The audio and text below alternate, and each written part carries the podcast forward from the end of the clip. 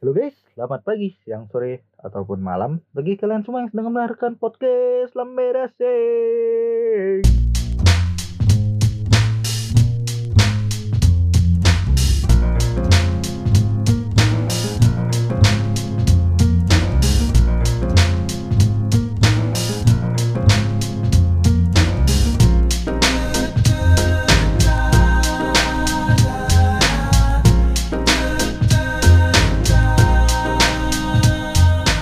Akhirnya balik.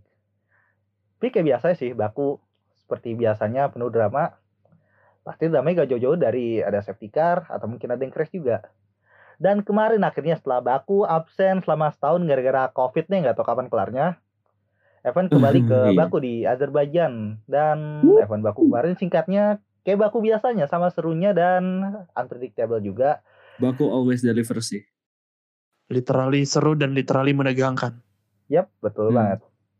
seperti biasa. sebenarnya nggak nggak tegang-tegang amat tapi apalagi kalau dilihat selama awal sampai pertengahan balapan sebelum sampai kejadian ban meletus gitu dua kali minim drama sebenarnya malah lebih ke mengarah ke taktikal banget secara strategi bla bla bla bla bla bla Hmm. Template. Bosen di tengah-tengah menuju ke akhir. Wow, langsung Langsung. kumpul semuanya. Itu kayak semua dikumpulin di belakang gitu gak sih? Literally. Iya. Tapi ya juga sih maksudnya. Udah sering kayak Brazil, Mugello dulu. Eh Mugello enggak deh. Iya sih. Austria. Yang- Ya Austria ya yang tahun lalu ya. Ya betul betul. Bagian akhir-akhir klimaksnya bener-bener klimaksnya di akhir nggak di awal terus ngepur sampai belakang itu kayak bener-bener ditaruh di belakang. Jadi kayak wah gitu sih.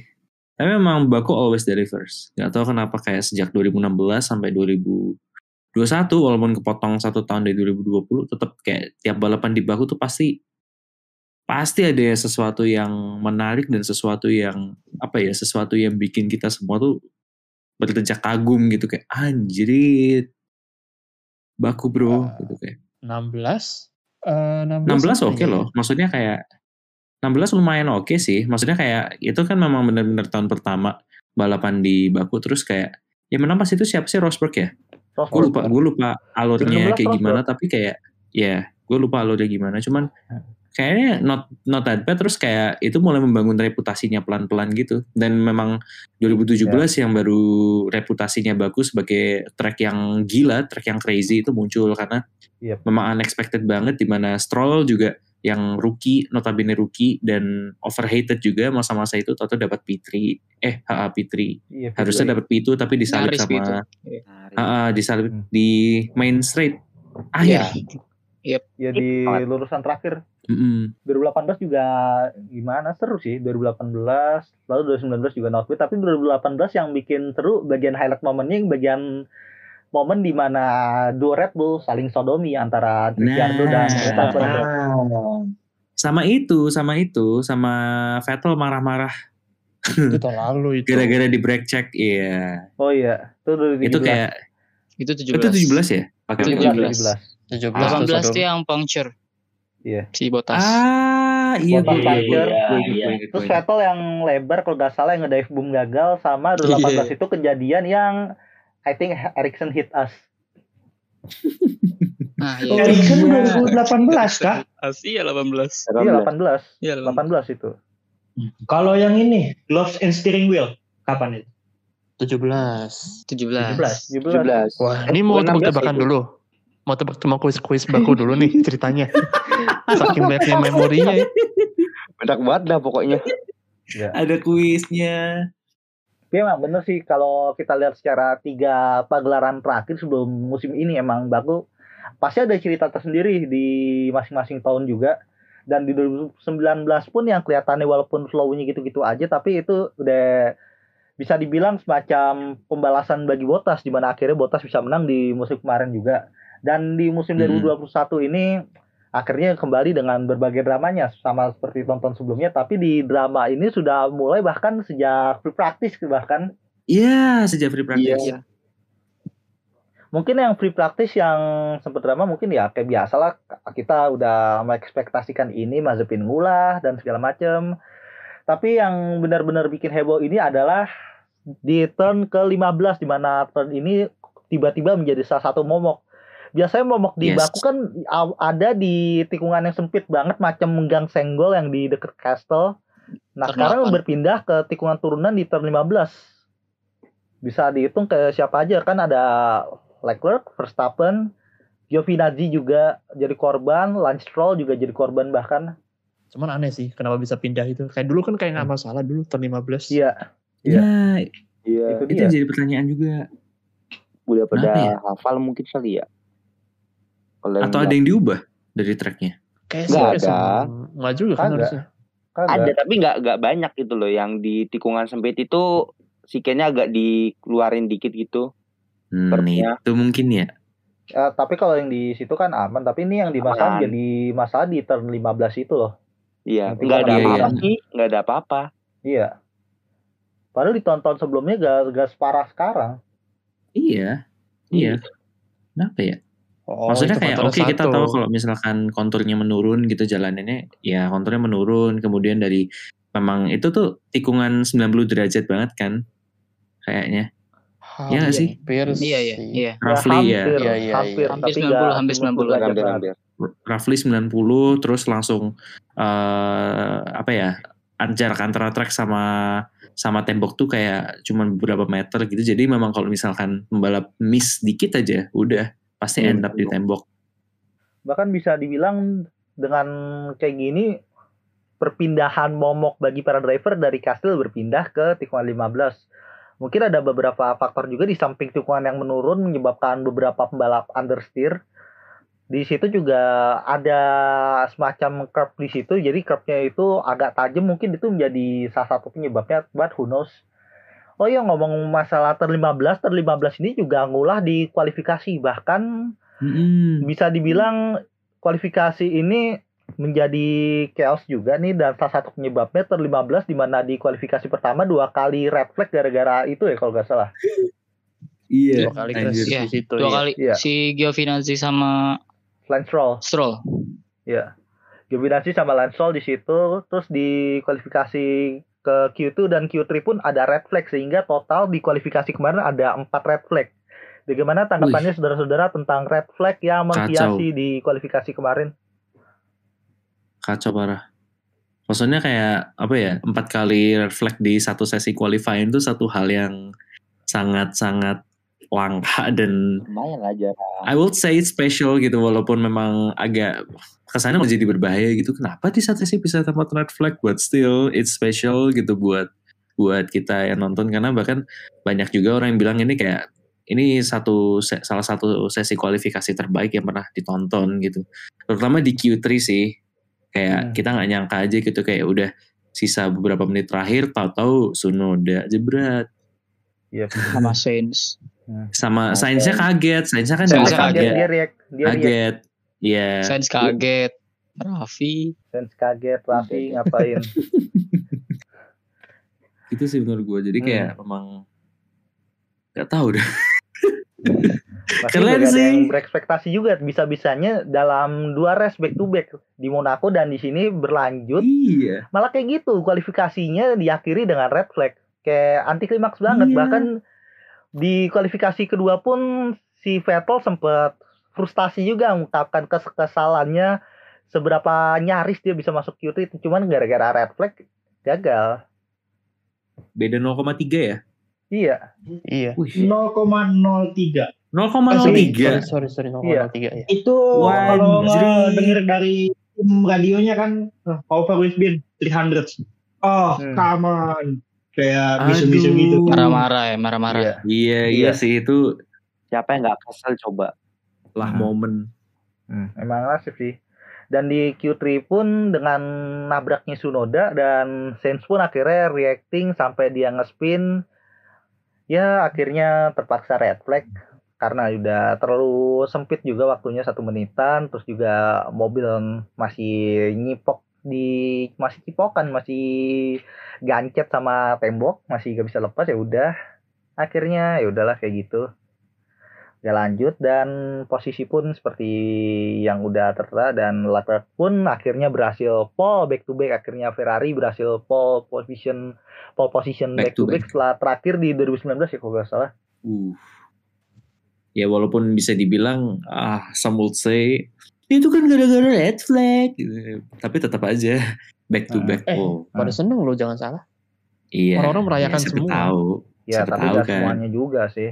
Mm-mm, pasti Kacau. pasti ada yang gitu ah laki Iya. nih gitu wah mafia lalala Tapi Mafia, tapi emang apa. situasi kemarin kayak gitu ya gimana ya?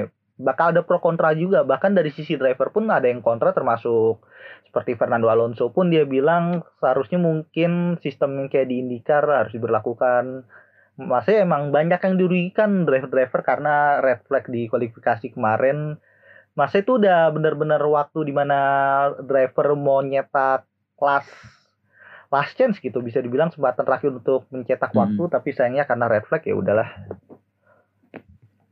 dan sekarang kita berpindah ke race-nya aja langsung ya wah ini oke dari race-nya sebenarnya kalau boleh jujur kalau boleh jujur sejak awal sampai pertengahan nggak begitu banyak yang bisa benar-benar membuat jadi seru mungkin Biasa di aja. awal-awal yang perebutan dari posisi pertama leadingnya Charles Leclerc Hamilton bisa mengovertake tanpa DRS di lurusan di akhir lap kedua. Lalu gak terlalu banyak sih highlightnya sebenarnya. Paling Giovinazzi seperti biasa, head start dia dari paling belakang. Lalu juga ada Iya. Sebastian Vettel yang akhirnya bisa mimpin balapan dan menjadi highlight besar. itu dia langsung ah Ya. Vettel leading Vettel is Hmm. leading the race Ya, tapi itu nanti kita bahas lah di bagian terakhir F1. Lalu setelah itu sebenarnya nggak penting-penting banget kecuali tes strategi yang lumayan sih. Pertama dengan masuknya Hamilton, lalu Hamilton ini, ini Mm-mm. ketahan gara-gara Gasly masuk akhirnya dia nggak bisa exit duluan karena Gasly lewat dulu akhirnya ketahan 4,5 detik dan di situ Iya. dan di situlah mungkin yang jadi bagian titik awal mula Hamilton nggak bisa menang sebelum akhirnya dia Nah. ketahan sama Seko. dia ketahan sampai harusnya cuma 2,4 2,5 detik jadi 4,6 apa ya 4,5 gara-gara harus 4,5, nungguin 4,7 4,7 iya gara-gara nungguin itu 4,5 detik dia pitnya yang ketahan gara-gara Gasly mau masuk juga. Mm, kan gara-gara Gasly Hmm. itu langsung wuh Padahal kalau nggak salah Perez juga slow pit juga loh kalau nggak salah. Iya dia slow pit Dia 4,3 Iya. Gara-gara ban belakangnya kurang nancep Kurang hacep Hmm. Hmm. Waduh. Bisa dibilang kayak Mercedes udah literally dua balapan eh, itu ya agak sedikit fucked up di pit. Pit, Back to back. Hmm. Ya kalau yang ini sih bukan karena krunya sih. Iya, awalnya gue kira juga awalnya gara-gara kru tapi ternyata oh memang harus itu harus nungguin Gasly dulu soalnya kalau Iya dia dikeluarin pas itu nabrak anjir. Iya. Tadi unsafe release. dan penalti juga. iya. Unsafe release. Wah kalau troubles tuh itu penaltinya kali gimana ya? Drive thru ya kalau misalnya unsafe. Iya, biasanya. 10 detik. Ya tergantung Biasanya. seberapa Tergantung. Oh, sama iya seberapa parah sama ngaruhnya juga ke driver yang Hmm. kena. Iya, Well bisa. sebenarnya bagian dari tes strategi pun jadi penghias juga seperti ya, bagian yang pertama mungkin Russell yang masuk duluan dia ganti Hart lalu dari tes strategi Aston Martin ini lumayan menarik sih sebenarnya. Iya, Aston Martin. Nekat dia dia. nahan lama banget, nekat banget. Golong, Lance Stroll golong. dari awal dia udah pakai hard, nahan lama banget. Lalu Vettel juga dia berlama-lama di soft yang akhirnya bisa sempet lead gara-gara itu. Leadingnya lama loh dia. Berapa Iya, lap luma- ya? Lumayan lumayan Lumayan, sih. lama Lumayan, Lumayan, Lima? tapi gak, gak lama banget sih. Seenggaknya masih kerasa leadnya lah. Iya, apa berapa? 5 6 lap ya? Apa Iya, lebih? Ya sekitar segitu. Gitu segitu Segitu Mm, segituan kan. Walaupun apa? Pas itu memang dia dikejar Verstappen juga. uh, di Hmm. belakang gitu kayak awalnya gapnya dari sekitar 4 detik jadi kayak sisa dua gitu. Terus baru Vettel masuk. Mm-mm.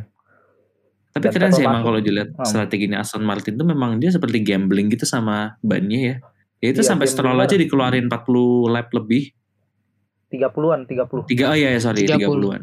Hmm, 30-an. 30-an. Memang gamble banget sih sebenarnya jujurnya dan yang terbayar malah di Vettel di mana dia softnya akhirnya bisa manajemen tayarnya juga good dan berarti Iya. baik bagi hasil balapannya. Betul.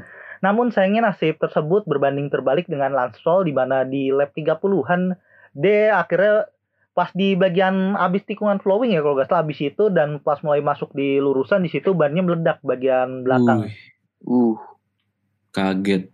Hmm. Itu Dan benar-benar di situ kaget. menjadi awal mula mulai seru balapan mulai Mulai awal dari mulai ya. jadi seru di situ sebenarnya. Mulai drama dari situ. Iya. Jadi yang jadi masalah di sini ada apa dengan Pirelli? Yang pertama ada kejadian yang udah disebut ada Lance Stroll, Lance Stroll yang meledak bannya.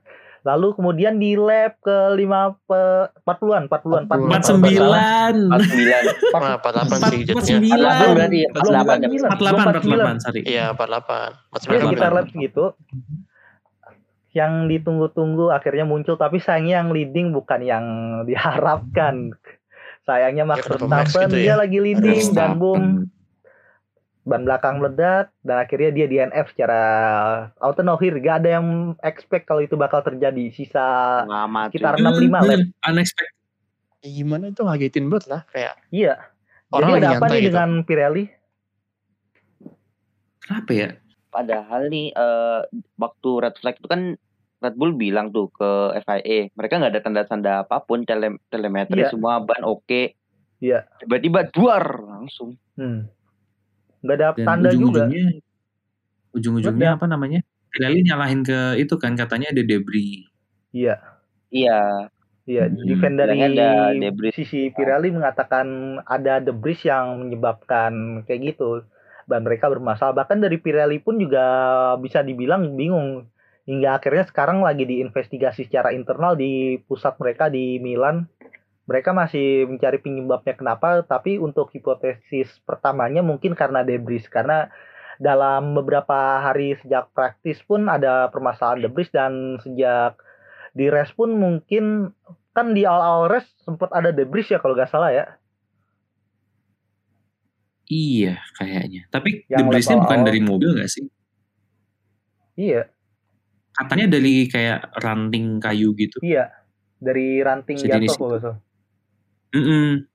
Dan yang kemarin sempat di highlight itu katanya eh, Pirelli itu juga sempat kayak salah dari itu pemilihan kompon karena dia memakai C5, C4, C3. Hmm.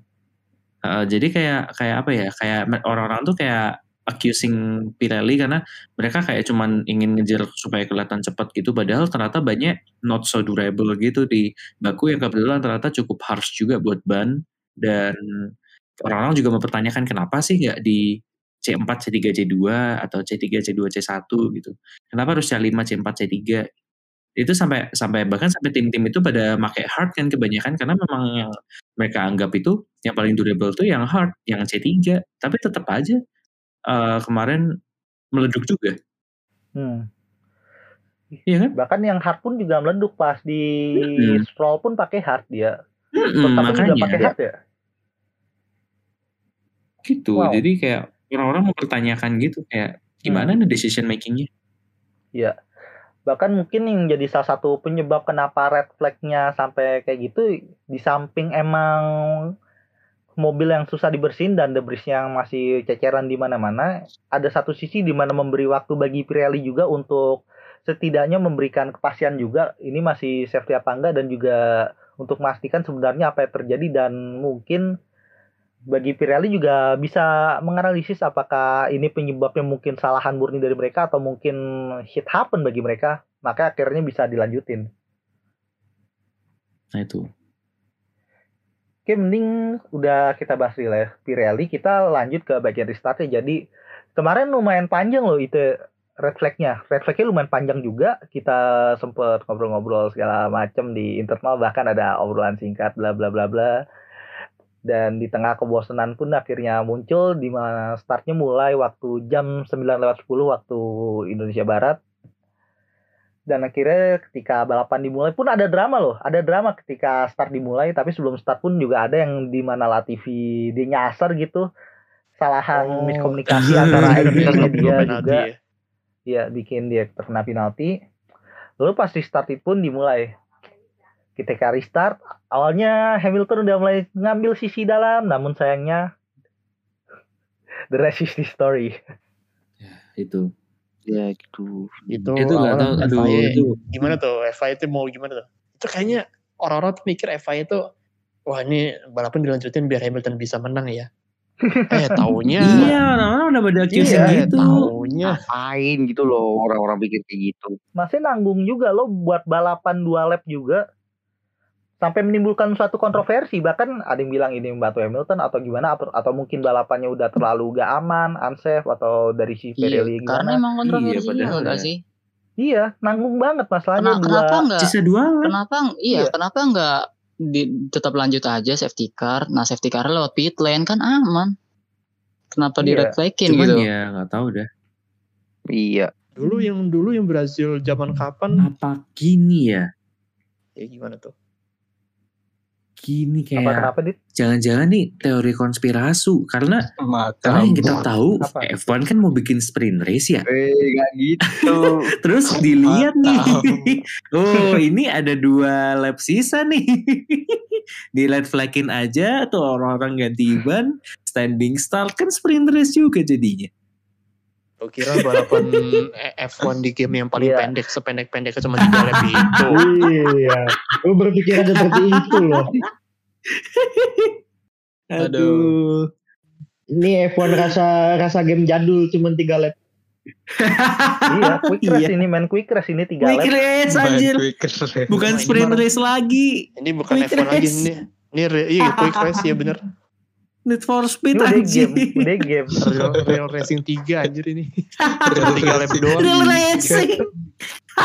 anjir. Anjir. Real racing. Real racing. Apa-apa apa bisa diulang bisa diulang. F1 challenge.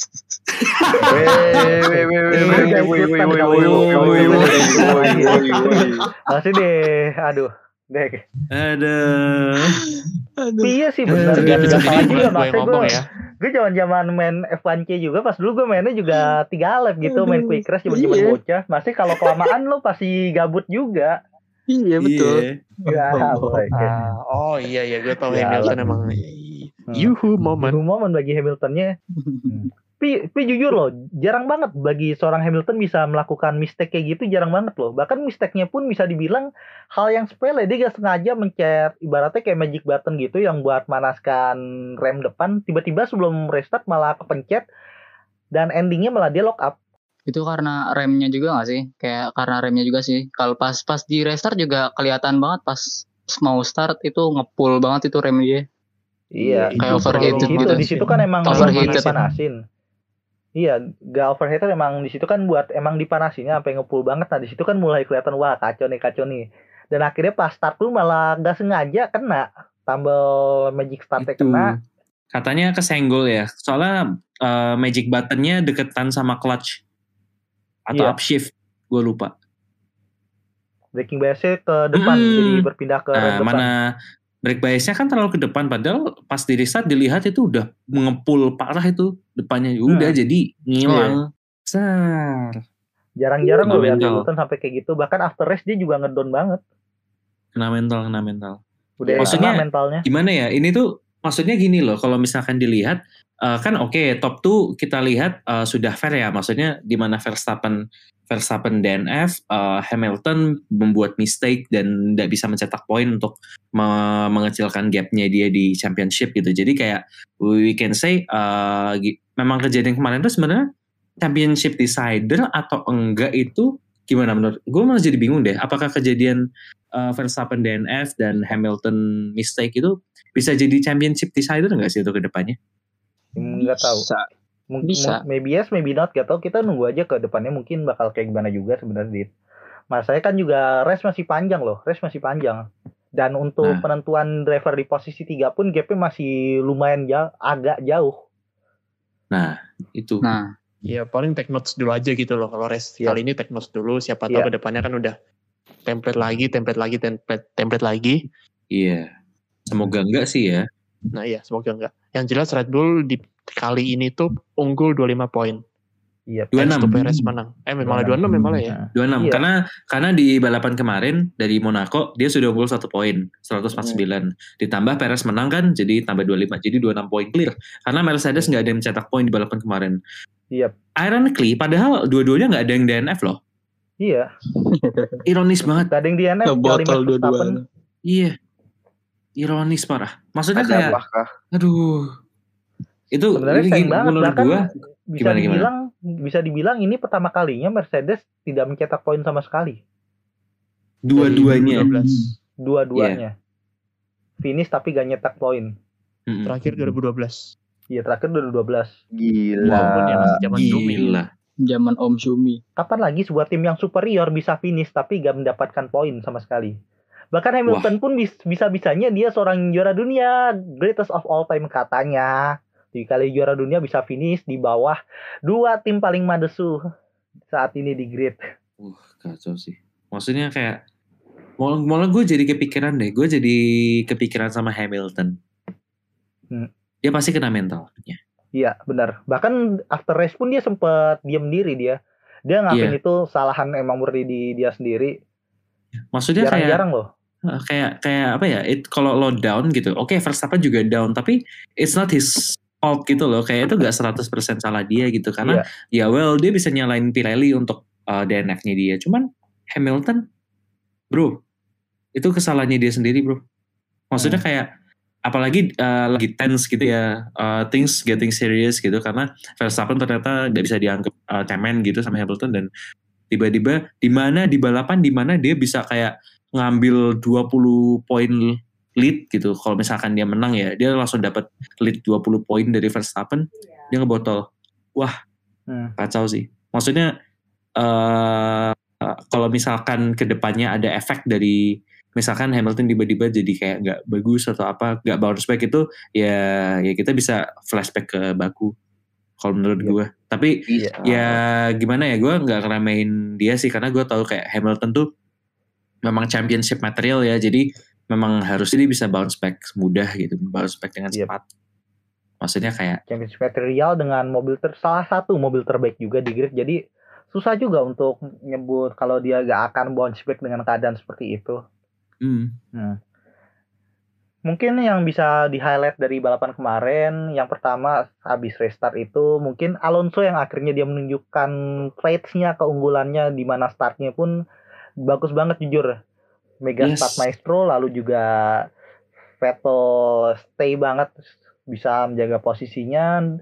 Dan setelah itu mungkin yang sempat rame di lap terakhir battle antara Gasly dan Leclerc. Untuk battle-nya Wah, di ini. perebutan posisi 3 ini alasan gua nonton F1 maksudnya kayak kalau dilihat uh, battle-nya mereka berdua itu sangat mulus sangat seamless sangat elegan gitu mereka tuh salip-salipan tuh effortless gitu kelihatannya elegan bener-bener wow kelihatan tuh kayak Hmm. Iya. Dari attack, Fight to defense, wheel-nya attack, kerasa. defense. Hmm. Mm-mm. Fight wheel Iya, to wheel-nya kerasa. kerasa udah kayak fight di Formula 1 ngeliatnya, bukan F1. iya iya Iya, lo dari attack bisa jadi defense, bisa jadi attack lagi kan. Mhm. Terus bisa Kayak di di F2. retake lagi di dua tikungan ke depan. Cuman ya akhirnya Leclerc katanya ngalah ya karena dia juga nggak mau risking uh, too Iya. much. Posisinya Daripada juga dia di kan DNF di atau posisi crash gitu kalau kan. misalkan terlalu risky ya susah juga dia bakal losing time atau mungkin skenario terburuknya berdua white dan mereka berdua Enggak, enggak. bisa giveaway podium juga. Mm-mm. Ya udah terus kayak mama maksudnya di akhir juga mereka berdua juga kayak saling selamatan gitu. Soalnya mereka kayaknya mereka berdua tuh senang banget gitu bisa battle kayak gitu. Mereka berdua enjoy gitu loh. Gila sih. Oke, berarti udah kita bahas sedikit masalah Gasly Leclerc fight yang lumayan oke. Sekarang kita berpindah ke yang sempet sebenarnya gak heboh banget sih. Akhirnya Mazepin ngulah di race dan kali ini yang menjadi korban adalah teammate-nya sendiri Mick Schumacher. Jadi menurut kalian, menurut pandangan kalian dengan insiden antara Mazepin dan juga Mick Schumacher kayak gimana? Hmm. Yang di akhir kan itu gimana ya kalau kalau gue lihat itu kayak kayak Mazepin tuh melakukan signature move-nya sejak dari F2. Literally, iya. Itu saja. kayak Hmm. apa uh, late defense gitu kan kayak bener-bener di last last second gitu dia defense ngarah ke mobil memang dangerous gitu tapi ya gimana ya uh, kalau misalkan gue bilang itu trademarknya Mazepin it will be an understatement juga sih kayak kayak ya itu memang ciri khasnya Mazepin gitu dan ya untungnya uh, respon mereka berdua tuh kayak kayak kayak apa ya kayak gercep gitu dan nggak jadi apa ya nggak jadi ada tabrakan besar lah di belakang Hmm. kan kasihan tuh kalau misalkan crash kan mereka nggak bisa naik satu ranking di konstruktor Iya. Sebenarnya hal kayak gitu simple juga, tapi bisa-bisanya karena hal itu akhirnya Williams balik ke setelan pabrik itu posisi paling bawah di klasemen, iya. Balik ke habitat dia walaupun bukan habitat aslinya. Tapi kalau kita lihat lagi sebenarnya si Mazepin ini seenggaknya dia masih memberikan ruang, dia masih bisa react dari dia defend dia agak telat juga sih pas Xiaomi ngambil kanan. Dikira pas mau ngambil kanan kelihatannya ini mau ngedami move. Mickey Maker ternyata enggak dan nyaris kejadian collision berdua. Untungnya collision tidak terjadi. Mazepin pun sempat re-correcting positionnya balik ke posisi semua semula memberikan ruang kepada Mick untuk overtake. Dan dengan ini berarti ini pertama kalinya Lewis Hamilton finish peringkat pertama dari belakang juga sepanjang karirnya kayaknya. Eh, iya bener deng dan juga kapan lagi gitu kita bisa ngelihat Mazepin bisa finish di atas Hamilton Eh itu itu akan diceritakan ke itu gak sih kayak literally ke anak-anak Mazepin. Eh iya ini dulu papa pernah sekali finish di atasnya. prestasi kehidupan kayak Rio Haryanto pernah start di depan Lewis Hamilton tuh. Iya. oh iya iya Iya. Sama itu Iya. Jensen Button. Jenson Button Sama Jensen Button dulu. Iya anjir di atas Jensen Button. Oke, setelah kita membahas perintilan-perintilan kecil dari detail-detail kecil dari uh, fight di last lap kemarin, seperti Gasly Leclerc dan juga Mazepin Mick yang sempat menimbulkan sedikit kontroversi, walaupun sebenarnya Haas akhirnya bisa finish di atas juara dunia tujuh kali. Sekarang kita berbe- sedikit berbagi pandangan kita masalah Vettel, di mana akhirnya Vettel bisa mendapatkan podium pertama di. Aston Martin, finish di posisi kedua. Sekarang, apakah Vettel is back? Vettel is back. Tidak. Hmm, enggak dulu. Gue gak bilang, Tolong. gue gak berani bilang. Menurut gue itu sih ketolong strategi sama fresh tire kemarin. Mm-mm. Iya. Betul. Ditambah Verstappen out, Hamilton ngebotol ya udah. Iya. Bisa podium Iya. baby. Ya maksudnya eh, itu jadi titik yang bagus bagi Vettel juga sih. Maksudnya itu semoga bisa mem- membalikkan confidence-nya dia lah karena memang kayak setahun terakhir tuh itu tahun yang berat bagi Vettel juga kan. Dia di sack dari Ferrari, terus dia masuk Aston Martin ah, dari awal musim gak bagus startnya. Ya semoga aja ini bisa jadi apa ya momentum bagi Vettel untuk bangkit gitu. Tapi kalau misalkan dibilang Vettel udah bangkit, menurut gue belum tentu gitu. Jangan Tapi dulu deh. Iya, maksudnya itu bisa di ntar. Iya anjir, di jinx nanti anjir. Ini masalah jinx rasanya gimana ya? Seru juga. Bahkan ngejinx jinx kemarin kita bikin space di sebelum balapan dimulai pun udah ngejinx sebenarnya. Anjir. kita bikin space doa bersama Leclerc bla bla bla bla. Ferrari bisa menang podium. Malah ngejinx buat Ferrarinya. Ada. Podium kagak. Kayaknya kita tahu lah siapa. Kayak kita tahu lah siapa itu yang bikin. Aduh. Ulah Itu utama yang bikin Ferrari itu tuh mundur itu sedikit. beda level itu itu beda level Aduh. mereka kenapa tiba-tiba masalahnya yang di jinx itu malah yang diharapkan oleh banyak orang orang berharap ini semoga menang tiba-tiba malah kebalikannya berbeda dengan kita yang kita Weh Hamilton menang udah pasrah gitu Eh tiba-tiba kita malah reverse kebalikannya. jinx, emang Iya. sengaja. itu, itu artinya berhasil tuh ya. iya berhasil. Jadi sekarang gue punya jinx. pertanyaan sendiri, apakah minggu kemarin balapan kemarin penuh dengan jinx atau tidak? Nah, itu dia. Iya gak ya? Ya udahlah kita Nah. gak tahu juga itu takdir ada di Tuhan karena yang megang kunci kayak gitu tuh Tuhan, decision makernya di Tuhan, entah Tuhan yang mana dan Tuhan yang jenis apa pun kita gak tahu. Betul. Demi segala hal yang dianggap Tuhan di dunia betul, ini pun True. ya terserah mereka lah. Oke kita udah sampai di ujung episode ya. Iya. Udah Yoi. habis juga bahasannya. F2 mau dibahas dikit? Boleh.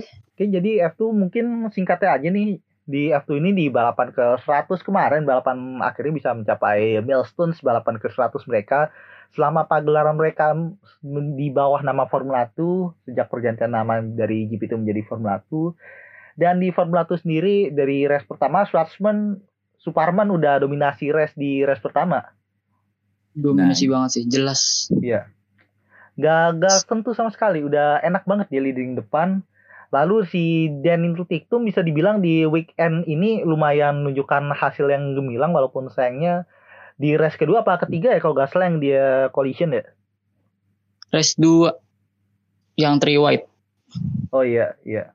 Yang race kedua. Lalu di samping forma gemilang dari Tiktum nggak bisa melupakan juga forma yang oke juga dari Yuri Vips. Lumayan juga dia di race kedua dan ketiga. Hmm, iya. Mantep sih. Kayak tuh. Iya. Red Bull jadi pusing jadi pusing lagi sekarang Red Bull mau mengambil siapa. Iya. Ya, tapi yang jelas Iya. Derupala udah mengalah nih sekarang nih. Iya. Jadi gimana nih Ja, lo masih berharap sama Darufala untuk musim ini? Lah, padahal padahal musim lalu udah bagus loh padahal. Ya, Hmm. sekarang udah salip sama yang baru-baru. Ya udahlah. Nggak tahu kapan India masuk F1 lagi.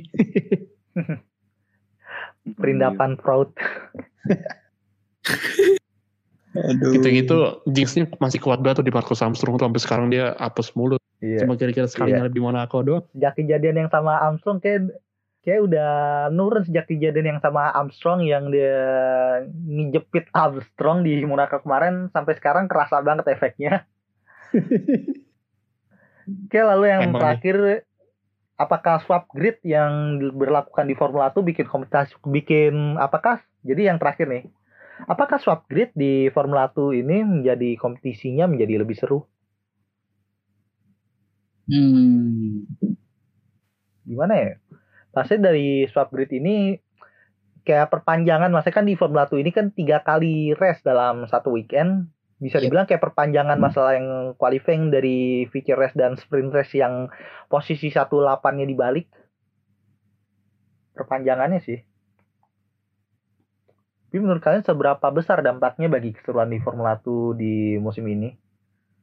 Lumayan sih, lumayan kalau menurut gua. Soalnya yang karena karena di swap ini kan otomatis yang race kemarin yang menang-menang itu kan dia pace-nya lebih lebih kenceng lah bisa dibilang daripada yang di belakang itu. Nah, karena ditukar otomatis yang di belakang ini jadi ngejar-ngejar yang di depan gitu loh.